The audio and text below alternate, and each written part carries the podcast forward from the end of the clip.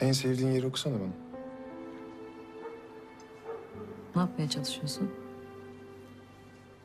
Seni etkilemeye çalışıyorum.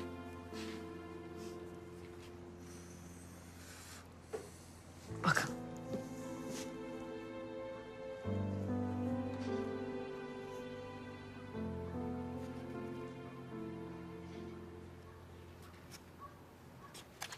Mesela burası. Sevgili Bilge. Bana bir mektup yazmış olsaydın, ben de sana cevap vermiş olsaydım. Ya da son buluşmamızda büyük bir fırtına kopmuş olsaydı aramızda ve birçok söz yarım kalsaydı, birçok mesele çözüme bağlanamadan büyük bir öfke ve şiddet içinde ayrılmış olsaydık da Yazmak, anlatmak, birbirini seven iki insan olarak konuşmak kaçınılmaz olsaydı. Sana durup dururken yazmak zorunda kalmasaydım. Bütün meselelerden kaçtığım gibi. Uzaklaşmasaydım senden de.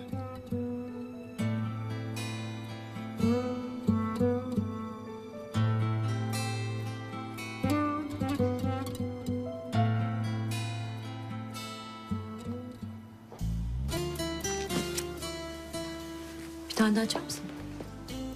Oldu.